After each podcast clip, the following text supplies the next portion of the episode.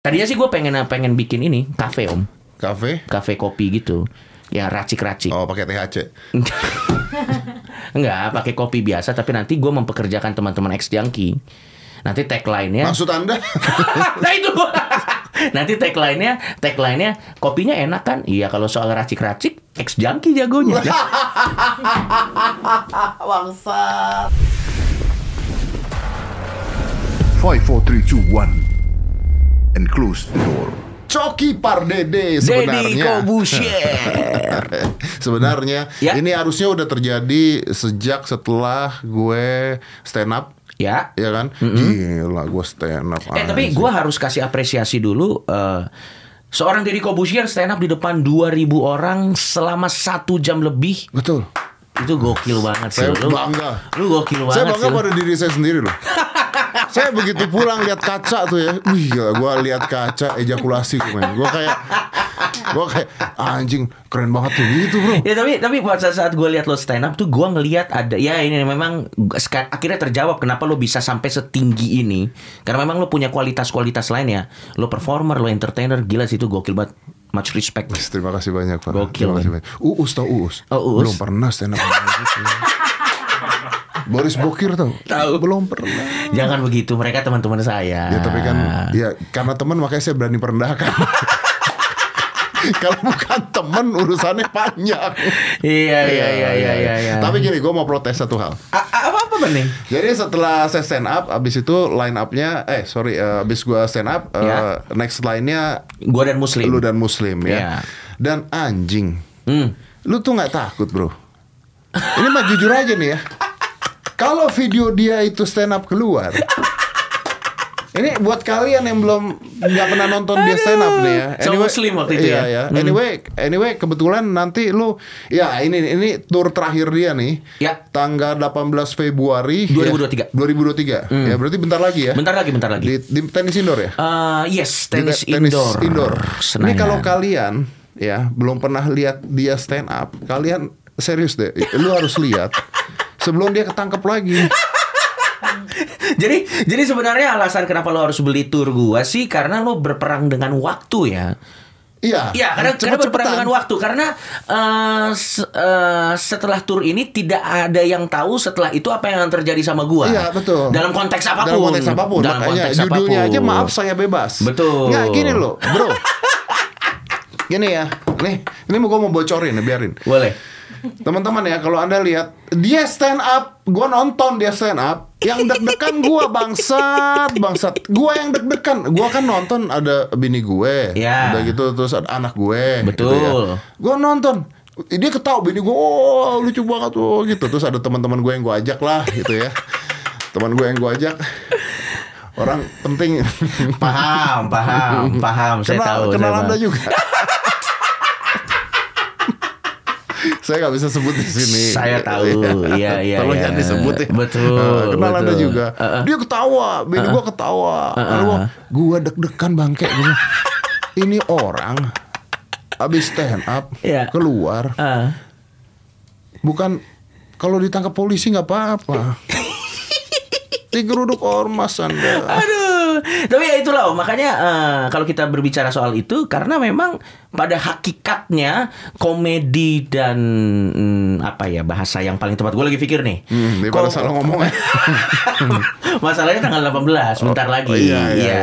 Karena komedi dan apa yang benar itu tidak selalu sama. Ya, Ya, ya, ya, harus bertabrakan justru kan. Iya, ya kalau kita ngomong komedi ya kita ngomong lucu. Iya. Gitu dan ya kalau misalnya kita datang untuk menonton orang berkomedi ya kita datang untuk nonton orang membuat sebuah kelucuan, bukan datang untuk nonton dia mengeluarkan kata-kata mutiara dan Enggak yang memang lain gue paham gitu. Cuman kan gini pada saat gue stand up aja Gue ada materinya nih Ya kan gue tahu Iya, Gue iya, tuh stand iya, up iya, aja iya, Gue iya. mikir Anjing nih omongan gue Hmm. Kalau sampai keluar Hmm. Ini pasti banyak banget yang maki-maki gue Gara-gara stand up gue Pada Betul. saat itu Betul. kan ngomongin tentang masalah fetis Gue ngomongin masalah perawan Dan dan lu juga cukup berbahaya sih materinya saat itu sih. Memang Memang berbahaya Bahkan sangat berbahaya sebenarnya menurut gua. Apalagi saat itu saya lagi diserang-serangnya kan. Iya kan? Iya kan? Tapi setelah gue nonton lu si goblok ini Bahan saya jadi kayak nggak ada bahaya bahayanya loh. Ada orang, lu tuh udah Ah. ur- urat apa ya? Urat apa lu ya? Urat Hmm. mikir lu udah putus kayaknya. Eh, tapi eh, ya Urat takut lu udah nggak ada. Nggak, gue masih takut loh om Gue masih takut Gue masih lu takut nggak masih ngomong-ngomong kayak begitu? Eh, Biasanya di panggungnya enggak Ah. Tapi begitu turun waktu mau tidur Bahaya nggak ya? di situnya tapi biasanya di atas panggungnya sih enggak karena ya pertama sih gue yakin om ya orang yang datang untuk beli tiket gua atau Tahu. orang yang datang iya betul orang yang datang untuk beli tiket gua dan orang yang datang untuk nonton komedi kalau konteksnya adalah nonton komedi gua mereka sudah expect Eh, gimana kalau misalnya orang mau beli tiket eh, Hmm. mau beli tiket Westlife tapi salah dibeliin sama Gojek? Terus tiba-tiba dia datang, oh Iya. apa? Ya udahlah, gue duduk. Tiba-tiba dia termasuk satu golongan tersebut yang Iya, anda omong-omongin yang itu. omongin gitu misalnya. Iya. Lalu dia naik lari ke atas panggung. Iya shit happens aja. Dan itu lebih ke shit happen ke dianya ya, bukan ke guanya. ya karena karena menurut gua karena menurut gua kan eh, kebanyakan kalau gua bikin materi se-eksplisit itu kan pasti di tempat tertutup sih Om. Jadi eh, untuk tur gua yang tanggal 18 nanti, kenapa? Lu yang main ngomong loh. Kenapa? Tempat tertutup tunggu nggak tiga ribu orang. Tempat tertutup lu Tai ya beneran. Nggak, nggak, Diam dulu lu Iya, coba Nggak pengen ngomong lu Uh-uh. Tempat tertutup itu Heeh. Kalau tongkrongan Heeh. Lu, Uus Anak-anak lah ya. Anak-anak Iya. Lagi di sini ngobrol Ah. hai, Tempat tertutup bos Mm. Anda itu Mm-mm. Otak Anda ada isinya aja Ada tweet Nah, be- be- ayo, berarti ah. berarti memang temen tongkrongan gue ya 3000 orang. ya tapi sebenarnya eh, sekarang gini lah om ya. Kalau kita ngomongnya ketersinggungan ya, Ya. karena lu juga sering nih tersandung masalah ketersinggungan. Betul. Apalagi sekarang kayaknya lu sudah dan dengan dengan anak-anak komedi tuh lu kayaknya udah gini banget Betul. nih. Lu udah gini banget Betul, loh. Kalau dari Kobusier, orang tuh selain podcast dia juga punya platform komedi. Kalau kita ngomong ketersinggungan mau materi seaman apa juga orang mah kalau mau tersinggung tersinggung aja sih om. Memang Mm-mm, sehingga akhirnya yang ada di pikiran gua kalau aman aja orang bisa tersinggung dan gak aman orang bisa tersinggung. Ya udah. Ya mending all the way aja. Ya. Tentunya di tempat yang tepat. Betul Oke. Tapi kan jenis orang yang tersinggung beda-beda nih betul. Ada bocil tersinggung sama gua bodo amat Betul. Ah. Yang belakangan ini banyak yang marah sama Anda kan bocil. ya? Bocil ya Tidak mengganggu brand saya juga gitu kan Dan tidak bisa membeli apa yang lo promoin juga sih bocil-bocil iya, itu sih. Tokopedia masih di sini. J-Water masih di sini. Iya, udah saya lihat Bocil, bocil-bocil tidak pengaruh. Saya lihat malah sepertinya. Sari gandum nih enak banget ada di sini. Betul. Nah, Bocil tidak makan ini. Loh mana kalau bocil yang menyerang Anda makan gandum, dia tidak akan sebegitu pemikirannya dong. Justru ini yang mereka kurang loh, Om. Iya. Asupan-asupan Asupan- gandum dan asupan-asupan roti itu. Betul, betul, betul. Dan air yang sehat seperti Jiwater Iya. ini. betul. Yang mana bisa dibeli di Tokopedia. Betul, betul, Nah, betul. nah, nah, nah. The Hmm. power of Deddy Kobusier loh. Gokil loh. Tapi Ah, ah. yang Anda senggol bukan bocil. Mm-mm. Tapi kalau dipikir-pikir Om ya, eh, kayaknya semua orang udah pernah tersinggung sama gue sih. Enggak, gua enggak pernah singgung sama lu. Ya, karena lu kan juga menyinggung orang ya. Kita kita kan ada di circle yang sama. Enggak, enggak. Enggak, apa lu? Enggak. Lu mau pembelaan apa lu? Gua pertama kali kenal lu gagal lu ngata-ngatain gua. Tapi lu juga nggak tersinggung, kampret. Lu gua harus tersinggung. Ah, ah. Nah, makanya Iya, gua iya. enggak tersinggung. Iya, Kalau lu tapi- bilang semua orang benar tersinggung, gua- lu tuh konten hmm, Ah. Iya sih ya. benar sih lu susah Kita tersinggung. balik. Ah, konten awal-awal dia ah, ah. sama muslim. Iya. Itu ngatain gua mata. Benar. Udah gitu. Iya benar benar benar. Tapi tapi kalau kalau gini ya karena kalau kita ngatain lu waktu itu kalau gue inget-inget ya karena memang lu stand out banget sih. Lu stand out banget udah keker kan. Habis itu mantan pesulap apa segala macam dan statement-statement lu tuh mem- mem- memantik memantik apa namanya? memantik percakapan yang menarik gitu. Ya ya lu lu, lu kayaknya nggak pernah tersinggung ya bener juga. Gue nggak pernah lihat lu tersinggung. Enggak lu ngatain gua waktu itu abis ngatain gua terus kita ketemunya gara-gara apa ya? itu oh ya ini ini juga buat yang banyak yang nggak tahu ini beberapa kali gue ulang Eh, konten klarifikasi pertama di channelnya Deddy Kobucier itu klarifikasi kasus penistaan agama gue sama tretan muslim Tapi kita ketemu kan gara-gara itu. sebelumnya kita udah pernah ketemu Sebelumnya ya ketemu dulu Ah, ah. cameo ya. Cameo bukan, gue yang datang. Oh iya benar di Cameo. Cameo. Yang gue datang ke rumah lo ya. Iya, cameo dulu. Oh iya Cameo dulu. Habis itu di baru situ. kasus penistaan agama. Benar, benar. Ya kan? Dan yang lain-lain Dan dan, yang lain-lain, dan yang lain-lain. Gua Udah. bahkan ketemu lu dari lu memeluk iman yang berbeda dengan Iya betul. betul. Itu tidak terjadi pada Anda ya? Enggak. tidak. Tidak. Anjing bener juga. Mohon maaf kita kenal lumayan lama loh. Iya, lama, Dari. Anda sampai berganti iman. Ya ilah dari awal-awal. gue belum podcast loh. Anjing bener juga. Gue belum podcast. Gokil, Belum. gokil, lu tuh, gokil, lu tuh ke gokil. rumah gue yang lama. Gue udah pindah rumah anyway. Benar, Lu ke benar. rumah gue yang lama di lantai dua, duduk Benar. di sofa di atas. Benar, benar, benar, Iya, benar, benar. Lu, ma- lu masih ada ininya kumis Iya, gininya. Lu masih ada kumis gitunya. Iya, iya. Heeh. Gila itu lama banget. Udah lama itu. Anjir ya. Time flies ya. Time flies. Time Oh, iya, tapi flies. gue gak tersinggung waktu lu kata-katain gue gak tersinggung. Ya, ya memang mungkin Ya gue gak tersinggung karena gue tahu Hmm. Uh, you guys are stand up comedian. Hmm. Memang cara stand up comedian ya sebenarnya sebuah apresiasi ketika gue dibawa oleh stand up Betul dan, comedian. dan, dan sebenarnya juga om kalau misalnya kita let's say ini konteksnya bukan lu ya. Ah. Kalau konteksnya orang lain kalau misalnya let's say ada orang yang tersinggung juga Hmm. ya ya kenapa juga? Nggak maksud gue gini om, kayak semua orang berhak untuk tersinggung itu hak asasi orang Hmm. gitu. Tapi kan sebenarnya saat kita tersinggung ya Iya itu ya cuman perasaan kita aja Oke. gitu maksud gue. Oke, gue paham. Mm, Tapi ya. lu ada moral kompas nggak? Mm. Maksudnya gini, hal gue bisa ngomongin apa aja, bahkan hal sensitif, bahkan sampai yang apa pun gue bisa ngomongin. Ya. Tapi ada satu hal yang gue nggak akan ngomongin tuh ada nggak? Biasanya kalau gue moral kompasnya mungkin yang lebih tepat bukan moral kompas kalau gue om. Yang lebih tepat itu adalah yang ngerem gue untuk ngomongin tertentu, gue akan tanya balik sama diri gue saat gue ngebawa topik ini, gue udah siap konsekuensinya belum? Oh oke. Jadi gitu. Kalau kalau mengenai apakah semuanya bisa diomongin, buat gua semua boleh diomongin. Tinggal kembali lagi kita mau ngomongin A konsekuensinya A, kita mau ngomongin B, B, konsekuensinya B, konsekuensinya itu dibalikin ke kita. Lo udah siap belum? Lo punya energinya, punya tenaganya nggak Tapi gitu? banyak kan Uh-uh. kejadian yang terjadi pada manusia-manusia seperti kita itu adalah Ya. Yang kita pikirin bermasalah nggak jadi masalah, yang kita nggak pikirin jadi masalah. Nah bro. itu dia makanya dengan pola pikir seperti itu kalau kita berhati-hati aja bisa menyinggung orang ya lebih baik menyinggung sekalian karena karena akhirnya karena akhirnya om eh, eh, eh, i- itunya di mereka mereka yang mau tersinggung gitu. Eh, akhirnya ya udah tinggal tinggal tinggal kita bijak-bijak memilih hiburan apa yang mau kita nikmati gitu. Dan si pembuat hiburan juga harus menerima kalau ternyata hiburannya dia itu em, menyebabkan kegaduhan itu juga part of the consequences. Yang harus di yang harus dilakukan orang-orang seperti gua adalah tinggal lebih bijak. Kayaknya kalau ada yang berubah sekarang gue lebih bijak memilih panggung aja sih om. Jadi gue less Oh. do sosial media tapi gue lebih bikin acara-acara tertutup kayak misalnya di Istora kan walaupun lo bilang itu banyak atau enggak kan itu relatif ya tapi acara-acara tertutup store tenis. Ya lo beli tiket lo datang ke sana udah konsensual sehingga enak kita perkecil kemungkinan orang untuk tersinggung. Ah. Dan tiketnya mahal ya. Tami, lumayan om. Hmm, supaya? itu, eh, itu menyaring juga.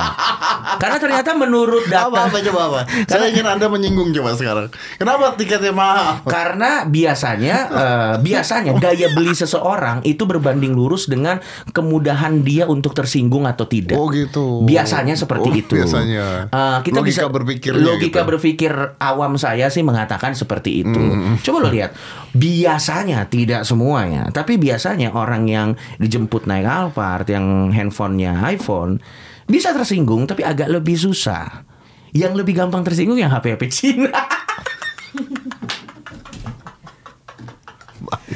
Biasanya walaupun ada juga yang tidak. Walaupun ada juga yang tidak gitu. Sehingga sebenarnya kenapa dibikin tiketnya agak mahal itu adalah cara natural gua untuk gini Menyaring. menyaring. Orang kan kalau beli tiket kan dia expect untuk di entertain dan dia ngerti oh ini coki dia pasti kita udah expect dia akan ngomong sesuatu yang pasti di luar zona nyaman kebanyakan orang ya, gitu Ya udah pasti. Nah, Ah, tiket ah. itu harga tiketnya sejuta. ada yang sejuta ada yang lima ratus ribu Paling murah 500. Eh, kalau kalau- ya paling rumah 500 tapi sepertinya karena antusiasmenya cukup banyak kita kayaknya akan buka kuota terbatas ada 150 ribu gitu tapi nanti itu masuk dan tempat duduknya nggak ada berdiri tapi cuma sedikit kok jadi dia bisa ngumpet-ngumpet di sela-sela itu yang ini serius anjing. Enggak lu serius. Nggak serius, ada seratus tapi cuman cuman kuota terbatas. Tapi paling cuman 50-an gitu, 50 orang. Karena saking banyaknya. saking Lu banyak. udah berapa kota sih? Gue 20 kota, Om. Ini kota terakhir. Ini kota ke-20. Anjing jadi juga 20 kota kota Jadi ke-20 bangsat. dong, jadi dong. Itu tuh eh, kru tuh udah setiap lima kota udah selamatan aja tuh. Iyalah. Iya, setiap lima kota kayak anjing coki. Berhasil tuh ya. Berhasil. 20 kota sober tuh. 10 kota tuh berhasil, 15 kota berhasil, akhirnya 20 kota. Gue udah hampir, gue udah keliling Indonesia kecuali yang di bagian timur ya. Ah, oke. Karena memang eh, secara data juga di sana ada banyak hal yang harus prioritas lah sebelum menikmati komedi kan pembangunan. Karena waktu ya nggak tahu ya, tapi memang gue nggak populer di daerah timur situ. Gue paling timur tuh ke Makassar. Makassar. Makassar. Makassar rame. Rame om. Yang mana di Makassar itu, waduh, Waduh. Waduh. Marah. Yang mana? Yang mana di Makassar itu ada cerita lucunya om. Jadi waktu gua show di Makassar itu pertama kalinya setelah sekian lama Makassar kena banjir bandang. Jadi begitu gue dateng, eh, Makassar tuh kena banjir bandang gitu. Sehingga waktu di hari show-nya panitia udah bilang, kru kita udah bilang, kayaknya yang datang ke show lu tuh sedikit cok, karena memang Makassar secara kota itu lagi kena banjir lah intinya, dan kita udah undur-undur dan gue udah pesimis kayak, ah kayaknya yang datang bakal sedikit gitu. Tapi ternyata di luar dugaan, di waktu yang kita tentukan yang datang semuanya datang full house.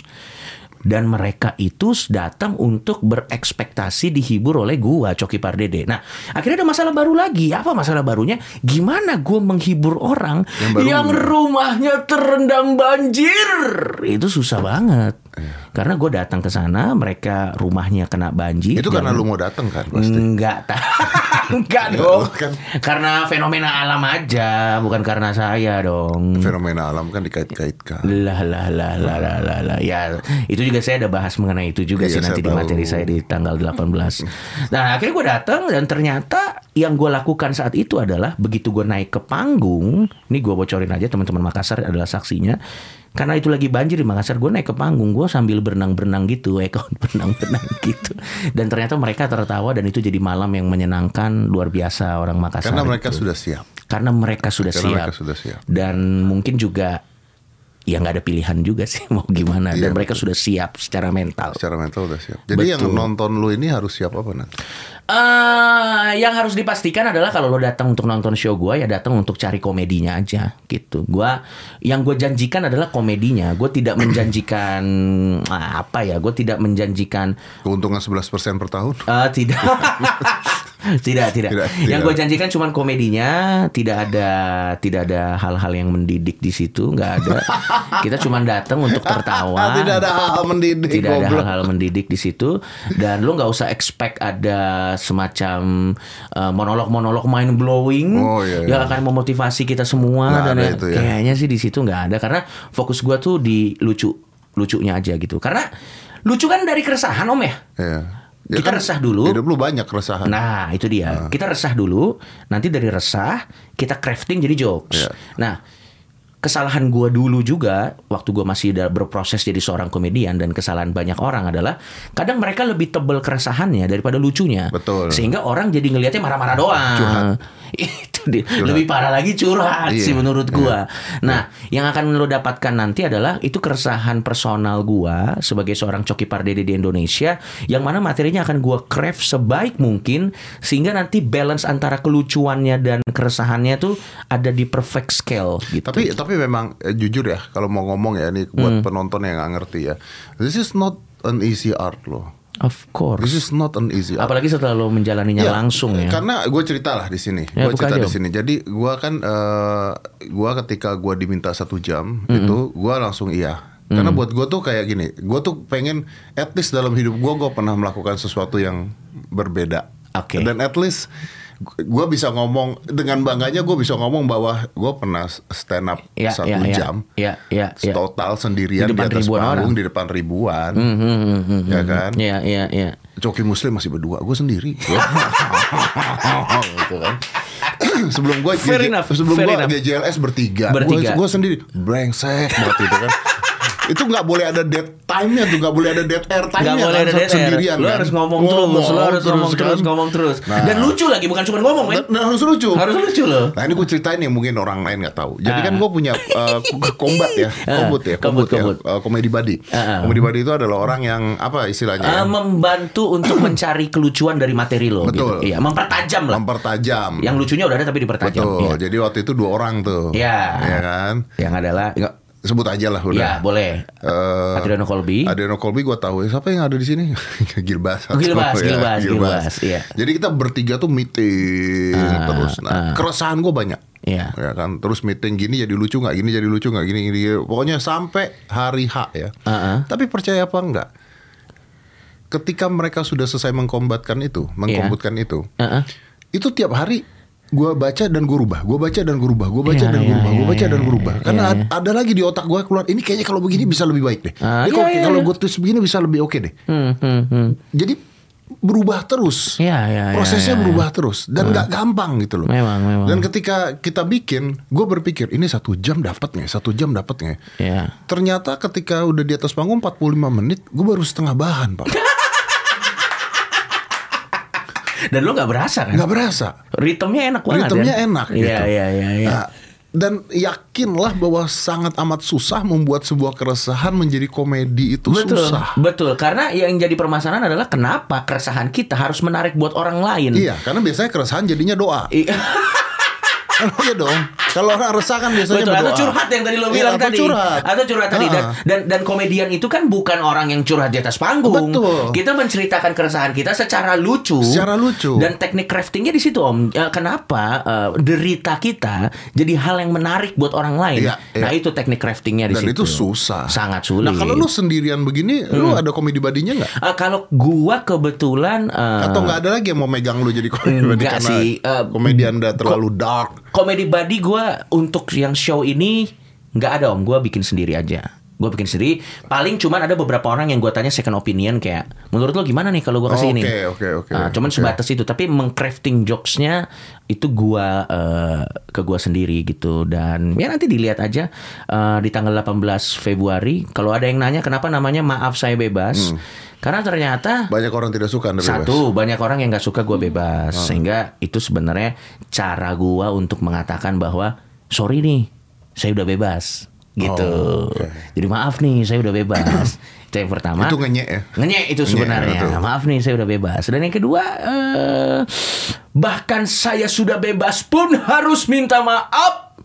Karena memang ya ternyata karir saya memang ya minta maaf doang sih. Dan nanti tahun depan Om, gue juga ada rencana pengen bikin special show setelah maaf saya bebas ini. Judul special show gua tahun depan itu, gua gua buka aja sekarang. Judulnya adalah maksud anda. Nah, itu Oke. itu judul special show saya tahun depan. Jadi gua akan bawa-bawa premis yang akan bikin reaksi kita saat dengar premis itu. Maksud, anda? Ah, Iya iya iya. Gua gua Lucu loh, itu lucu lucu lucu lucu. Lucu, Karena lucu. setiap kali perkataan orang itu bisa maksud Anda? Maksud Anda? Nah, dan nanti jawaban saya di special show tahun depan adalah memang. Tapi tentunya akan dengan komedi. Dengan komedi. Tapi itu untuk next year. Untuk yang sekarang lo akan dengar eh, s- materi stand up yang sangat personal. Ya tapi what's all about sih? Nah, tentang diri gua, kenapa gua memilih keputusan-keputusan yang mungkin buat kebanyakan orang tidak masuk akal, Eh, kenapa gua menjadi seperti ini, Eh, dan eh, banyak hal-hal yang akan gua ceritakan, yang nggak gua ceritakan di tempat lain, gua cuma akan ceritakan di situ. Kayak pertanyaan-pertanyaan yang selama ini jadi elephant in the room tentang Coki Pardede, gua akan buka di situ sih. Oke.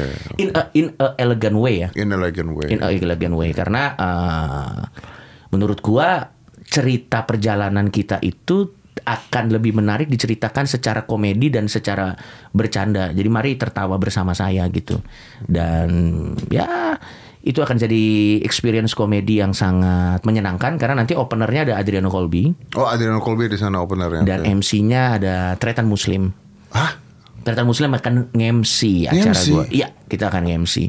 Turun derajat sekali. Lo lo lo, karena dia sibuk bebek om. Oh iya benar. Dia sibuk eh, bebek Iya, dan, ternyata setelah saya lihat keuntungannya sih memang lebih mending Bebek. bebek sih Iya. sebenarnya Iya, iya, iya, iya. saya udah terperangkap sama persona stand up komedian Iya, aja nggak bisa tidak- keluar lagi nggak mungkin Anda jual bebek. Iya dan dan kalau gua jualan bebek juga kalau enak masalah juga. Kenapa nih enak lo campur drugs ya? Udah oh susah iya benar juga. benar. Iya iya benar benar. Udah susah juga. Tadinya sih gue pengen pengen bikin ini kafe om, Kafe? kafe kopi gitu. Ya racik-racik. Oh pakai THC. Enggak, pakai kopi biasa tapi nanti gue mempekerjakan teman-teman ex junkie. Nanti tagline-nya Maksud Anda? Nah itu Nanti tagline-nya Tagline-nya Kopinya enak kan Iya kalau soal racik-racik Ex junkie jagonya Bangsat. Bangsat. Loh, in, in, in a comedy way tentunya Iya iya iya iya. Ya, tanggal 18 Februari 2023 di Istora Senayan ini seperti mimpi buat gua karena 20 kota, kota terakhir di buka kok Istora Senayan, tenis, Tenis indoor. indoor. Anyway ada nggak sih yang pernah ngelakuin 20 kota ada? Kayaknya ada, Pak. Kayaknya Panji pernah. Panji pernah. Tapi kayaknya 20 kota ini termasuk yang terpanjang, Om. Salah satu yang terpanjang. Iya Heeh. Kalau bukan yang terpanjang, kayaknya salah satu yang terpanjang. Kayaknya yang terpanjang masih dipegang oleh teman kita, Panji Pragiwaksono kayaknya. Panji itu lebih dari 20 kota ya? Sepertinya iya, tapi kan dia sampai ke luar negeri waktu itu, ingat nggak? Oh iya. Ah, beliau kan sampai ke luar negeri dan sekarang beliau udah di di New York kan. Eh, Panji udah di New York. Dia udah di New York dan Panji luar biasa. Dia sudah menembus dia sudah ada di benchmark tertinggi bikin Istora Senayan jadi tempat stand up dia dia udah Iya, itu gila ya. look up gue udah look, look Itu, up ke dia banget, sih. banget lah. Ah, ah. Mat- Dan dia butuh tantangan baru lagi, makanya dia pergi ke New York. Yes. Sebenarnya kan kalau dia udah cukup dengan apa yang dia dapat ya udah, Hmm, dia di sini juga udah oke kan. Ya, tapi gua rasa Panji memang orang yang sangat ambisius sih. Ya, tapi you start from zero again loh bro. of course, Lu iya. pergi ke New York lu nggak terkenal loh. Iya, lu iya, mulai iya, lagi iya, nol iya. lagi loh. Iya, iya, iya. Tapi sebenarnya kalau lu di New York mungkin lebih diterima orang. Gua di New York. Ya memang sih, tapi menurut gua kalau gua kan di sini aja belum gua taklukin gitu, Om. Gimana coba tolong di- di- dijelaskan. Belum ada taklukan tuh gimana? Gini loh, kalau Bang Panji kan pergi ke New York karena dia tuh sudah di puncak sehingga mungkin sudah mulai what next gitu. Enggak, enggak Anda pergi ke New York nanti tergantung siapa pemerintahnya gitu kan. Tergantung 2024 sih sebenarnya, tergantung 2024. Iya, Aman kan ya gitu kan. Tapi kenapa harus ke New York? Thailand juga. Oh iya, oh iya, betul. Sangat sangat Menyenangkan. menyenangkan. Thailand. Udah pernah ke Thailand? Eh, udah. Enggak ada. Menyenangkan. Kenapa Banyak. nggak di post? eh kenapa nggak di post zaman belum ada Instagram? Belakangan ini banyak sekali teman-teman kita ke Thailand ya. oh ya, kenapa nggak di post? Nah, zaman belum ada Instagram. Gitu, bermain di bermain di tanah yang licin ya. tapi tapi tapi tapi menurut gue lu tuh orangnya menyenangkan om Dedit. Karena lu itu orang yang kenal lu tuh mungkin orang yang nggak kenal lu mungkin menganggap lu intimidatif. Tapi kalau orang yang kenal lu sebenarnya lu tuh bis gimana ya? Asik banget diajak bercanda sangat Gitu ya? asik diajak bercanda gitu dan ya sayang sekali nggak nggak semua orang punya kesempatan untuk Gila, kenal lu baru secara ada orang personal ngomong ini loh. Baru ada satu orang Iya, ya, gitu. emang bener. Karena gue kebetulan gue dapat dapat kesempatannya untuk kenal lu secara personal kan banyak orang lain Tapi kan. kayaknya orang juga begitu. Kalau orang ngeliat lu tuh ya, ini jujur orang Hmm. lu kayaknya wah ini orang beginilah begitulah semua ada hal-hal negatif ada. Gue bilang ya ya lu nggak kenal dia. Itu dia. Dan yang paling lucu tuh gini om, gue kalau ngepost apa pun di sosial media selalu ada yang banyak kayak ngomong orang kayak gini kok masih dikasih panggung. Bahkan di komen ini anda juga Iya, siapa jadi ada nanti ngomong ada kayak nanti. orang kayak gini kok masih dikasih panggung. Permasalahannya gini, gua yang lempar jadwal acaranya tanggal berapa tanggal berapa tanggal berapa di 20 kota.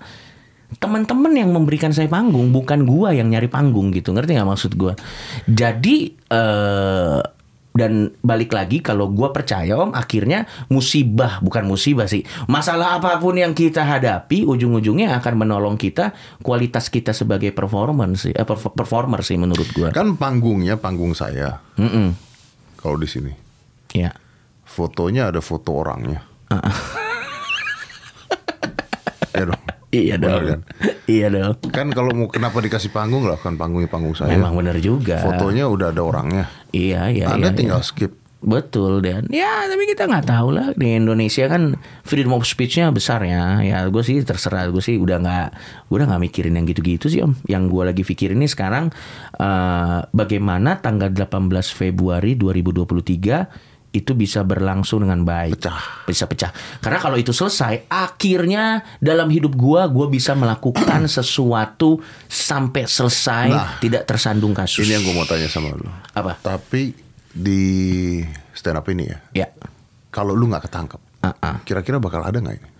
Ada kan awalnya gue maaf saya tersinggung.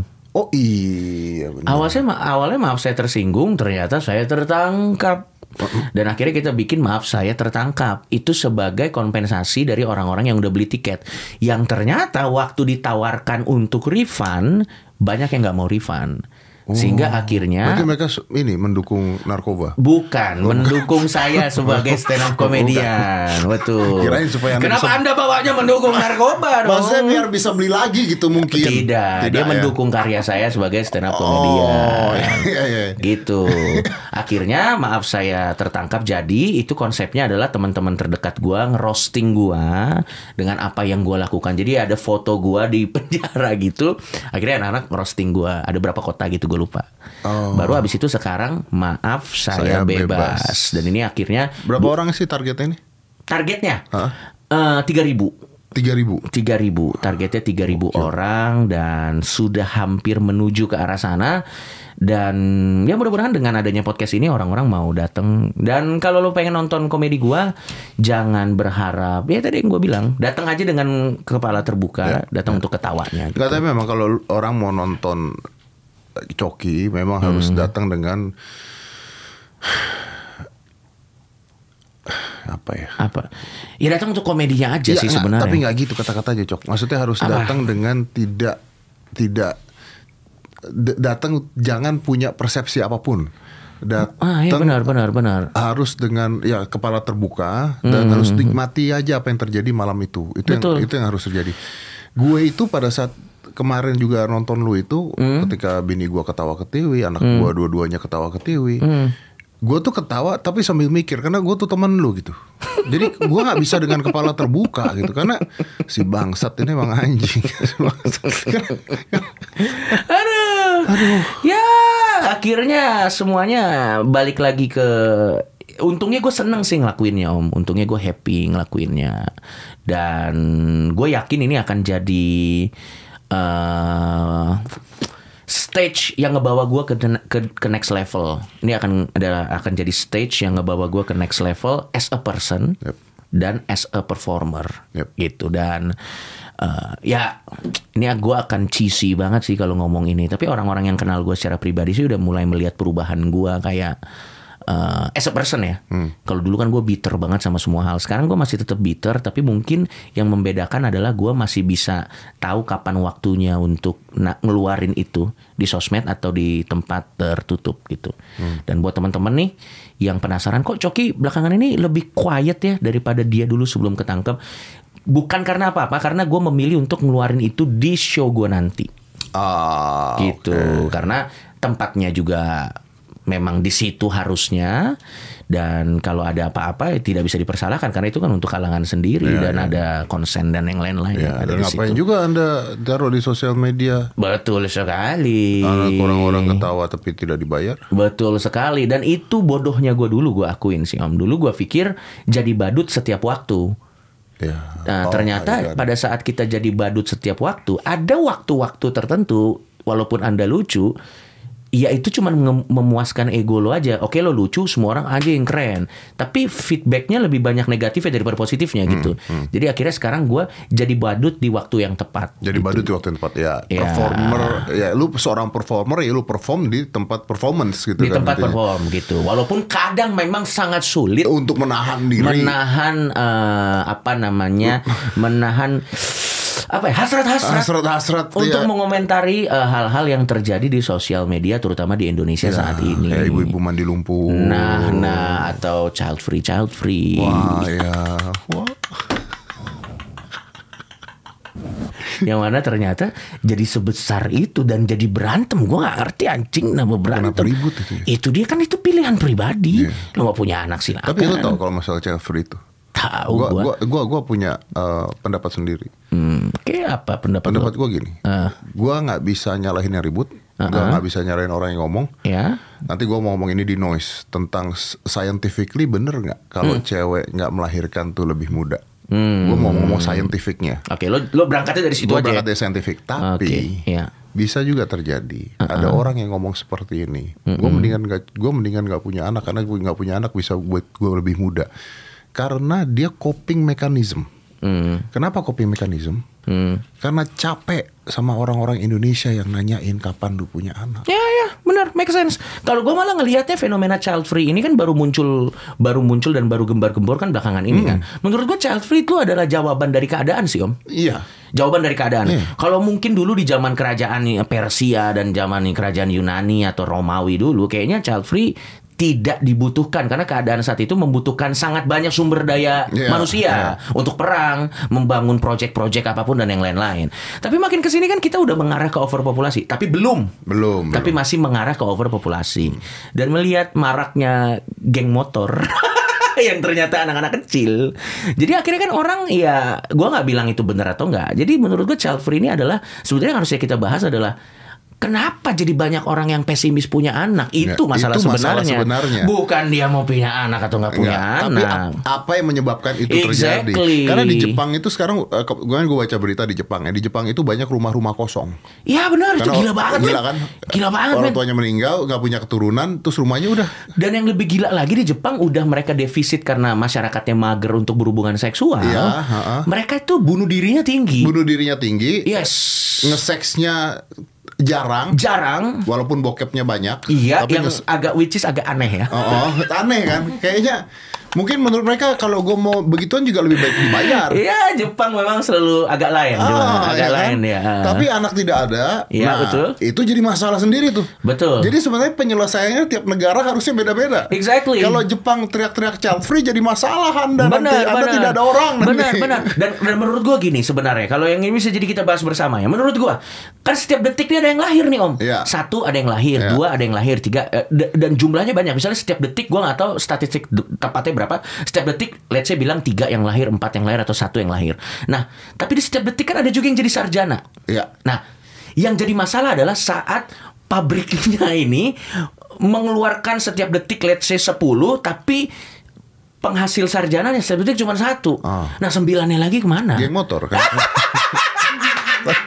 Dan pembegalan. Dan pembegalan. Nah, akhirnya kan itu juga harusnya uh, setiap orang berhak untuk punya anak Betul, menurut gua itu betul. hak semua orang. Betul. Tapi hanya karena Anda berhak, Anda juga harus ingat hak ada kewajibannya. Ya, siap nggak lu punya anak? Exactly. Nah, jadi sebenarnya bukan masalah child bukan, bukan, bukan, free-nya. itu, itu, itu mah pilihan pribadi. itu si- silakan lah Anda mau punya anak nggak punya Terserah, anak. ah, Tapi ah. ketika itu diucapkan, Betul. ketika itu diucapkan, Betul. jadi fenomena besar. Harusnya negara sebagai penganyom masyarakat menjadi jawaban untuk masyarakatnya. Harusnya ini jadi jadi tolak ukur negara kita untuk melihat, oh kalau ada masyarakat kita yang masih takut punya anak, jangan-jangan lingkungan yang saya berikan untuk masyarakat saya belum ideal. Belum ideal.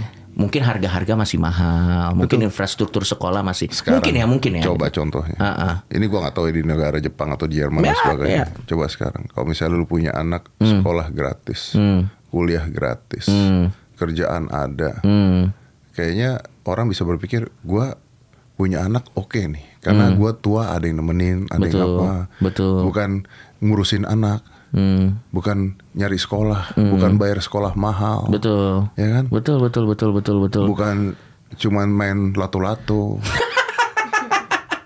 Gi- Gini ya gue tuh sama Aduh anak lato-lato ya nggak apa-apa sih Ya, sebenarnya nggak apa-apa tapi ya why aja. Dan, dan, dan- dan- dan di Jepang tuh sebenarnya sudah mulai distimulus loh kalau lo punya anak lo dapat tunjangan Iya. apa sekolah gratis juga mereka udah punya sekolah gratis apa dan fakta bahwa ternyata masyarakatnya masih enggan untuk menjawab stimulus yang diberikan oleh pemerintah berarti kan Tanda ternyata tanya besar. tanda tanya besar apa nah itu harusnya yang kita jawab bersama tuh itu Bahkan sebenarnya di Jepang sudah menyarankan agar orang-orang Jepang itu minum alkohol. supaya mabuk. supaya mabuk. Ini di Jepang ya. Di Jepang ini Iya, Jepang. iya. uh-uh, supaya mabuk. Supaya mabuk terus begituan. Iya. Tapi s- dia mabuk tidur anjing kayaknya anjing. Bukan tidur, coli kayaknya. Coli kayaknya. kayaknya iya. Karena mikir Kayaknya ada pasangan ribet hidup gua gitu kan di Jepang. Bener, ini Jepang bener. ya. Ini Jepang, kita nggak ngomong- kita nggak ngomong ini, kita ngomong ini. Jepang. Dan ini kenyataan loh, ini kenyataan, ini Iya, iya, iya. kenyataan. Dan lu udah pernah ke sana secara pribadi. Secara pribadi ya, memang benar. Mereka kekurangan cewek cantik? Tidak. Kekurangan cowok ganteng? Tidak. Memang misteri ya. Memang misteri. Saya bingung. Ada faktanya Ya. penduduk Jepang itu melakukan hubungan seksual itu hanya 30% dari Wow. penduduk. Dan mereka kecenderungannya workaholic, bener nggak? gua? Workaholic, workaholic. Jadi gini, katanya nih pokoknya kalau habis kerja Ya. udah ke kafe, mabok, pulang. Hmm. Jadi kalau ada bini juga malas ngeliat bini gitu. Astaga. Katanya begitu. Katanya. Jadi ya. bokep-bokep di Jepang itu harusnya kayaknya itu cuman film, tidak sesuai kenyataan Tidak harusnya. tidak se-hyper itu Enggak, mungkin. Enggak. Karena fakta. Nah menurut gua tuh yang seru tuh ngebahas child free itu itunya bukan Iya, kenapa mau punya anak bisa atau- ada orang mau Benar. child free gitu? Itu harusnya ada institusi yang berkaca sih harusnya. Iya, Saat iya. masyarakat anjing kok kenapa lu nggak nggak mau? Ah iya. Ya, apa? Sedangkan di Indonesia kebalik, Bro. apa tuh di Indonesia Ada tuh? unuk anak umur 8 tahun, rame-rame gengbeng 5 tahun. 8 tahun loh, Bro.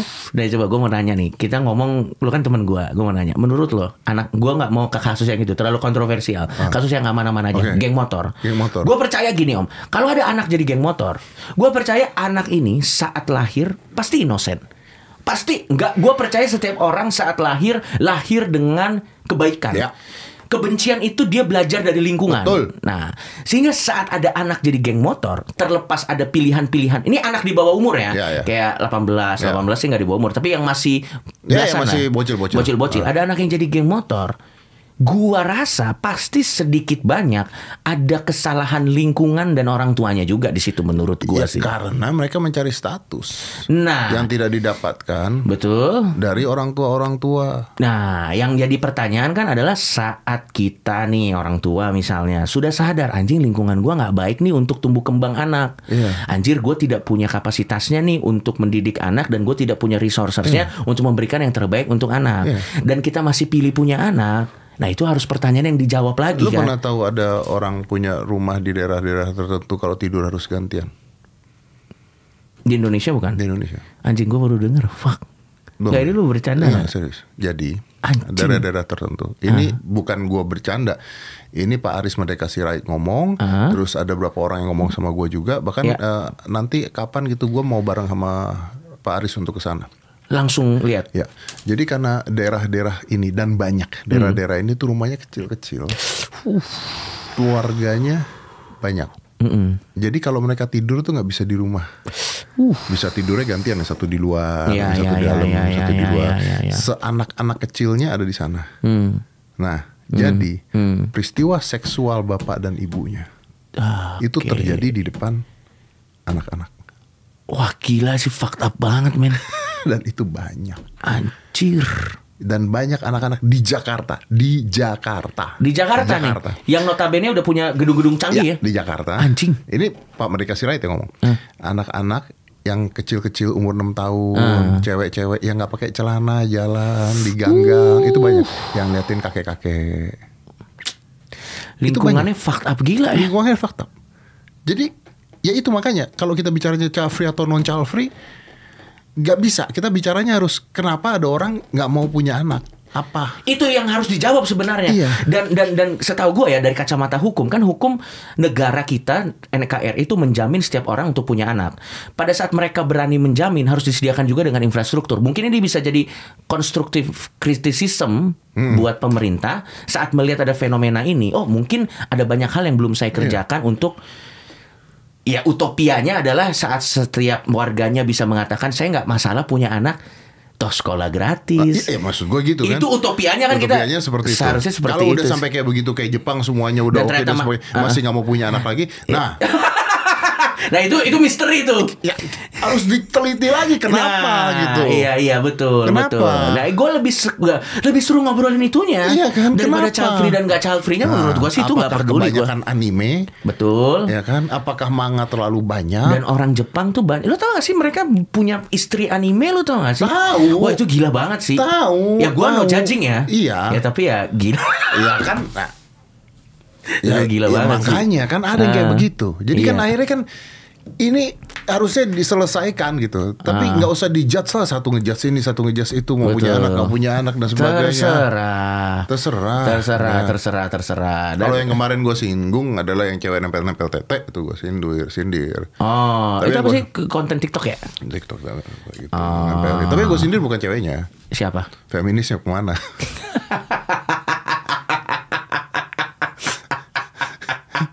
Loh. Kalau si cewek itu kan terserah dia mau bikin konten apa. Ya bebas ya. Asal asal paham resikonya ya. Iya. Iya, iya, iya. Tapi iya, kan iya. kalau cowok yang begitu sikat sama feminis. Ah, ah, ah, ya ini tolong ah. sikat juga dong gitu Iya, loh. iya, iya, iya. Ya mungkin lagi sibuk ngurusin yang lain kali Om. Child free. ya, itulah. Anjing ngomong sama lu aja bahaya. A- Gimana? a- anjing nggak bahaya lah ini gue kita masih dalam eh gue sopan banget anjing di sini Iya, udah sopan nih. sopan banget ini Iya, bener sih. bahayanya nanti gue taruh di Nanti tanggal ditaruh 18 tanggal 18. Oke lah. langsung beli tiketnya Tanggal 18 Maaf saya bebas Nih gue Ah. ngomong ini gak sebagai teman Gue ngomong ini sebagai orang yang pernah nonton dia thank you om Dia stand up Hmm, pada saat itu Dan kalau kalian nggak nonton tuh kalian kehilangan sesuatu betul Satu pengalaman dalam hidup di mana anda ngelihat orang gila Bicara Ah. segila-gilanya kurang lebih dua jam nanti gue sendirian Bangsat dua Ah, ah. Yang mana, wah ini anjing nih. Sebelum di closing om ya. Jadi ada di satu kota, gua tiga jam karena terlalu asik sama panggungnya. Kru nyamperin gua. Ayo tes urin bangsat. Padahal kan adrenalin dong. Iya, iya, betul, betul, Bukan betul. karena yang Bukan karena lain itu. dong. Tenang, saya sudah clean. Saya sudah gemuk sekarang. Oh jadi itu bisa buat obat kurus Katanya sih begitu. Katanya sih begitu ya. Oke lah, lah tanggal Ya 18 udah. Februari nanti silakan eh, beli tiketnya di mana nih? Beli tiketnya di websitenya Majelis Lucu Indonesia buka aja nanti ada maaf saya bebas langsung ikutin aja Atau ke caranya. Instagramnya juga ada ya. Di Instagramnya Ada Majelis Lucu atau ya. Instagram gue lihat aja. Oke. Thank you, Om Cok, Deddy. thank you ya. Sama-sama. Uh, uh, see you soon. Gua gua coba gua cek waktu. Ya. Kalau if if I'm uh, totally free, my family, Ya, I'll ya. be there. Walau kalau lo bisa datang, it's an honor. Thank ada you very much. Thank you very much. Pokoknya Thank you. gua coba gua usahakan. Thank you, Om Oke, Deddy. thank you brother. Let's close this. Five, four, three, two, one, and close the door.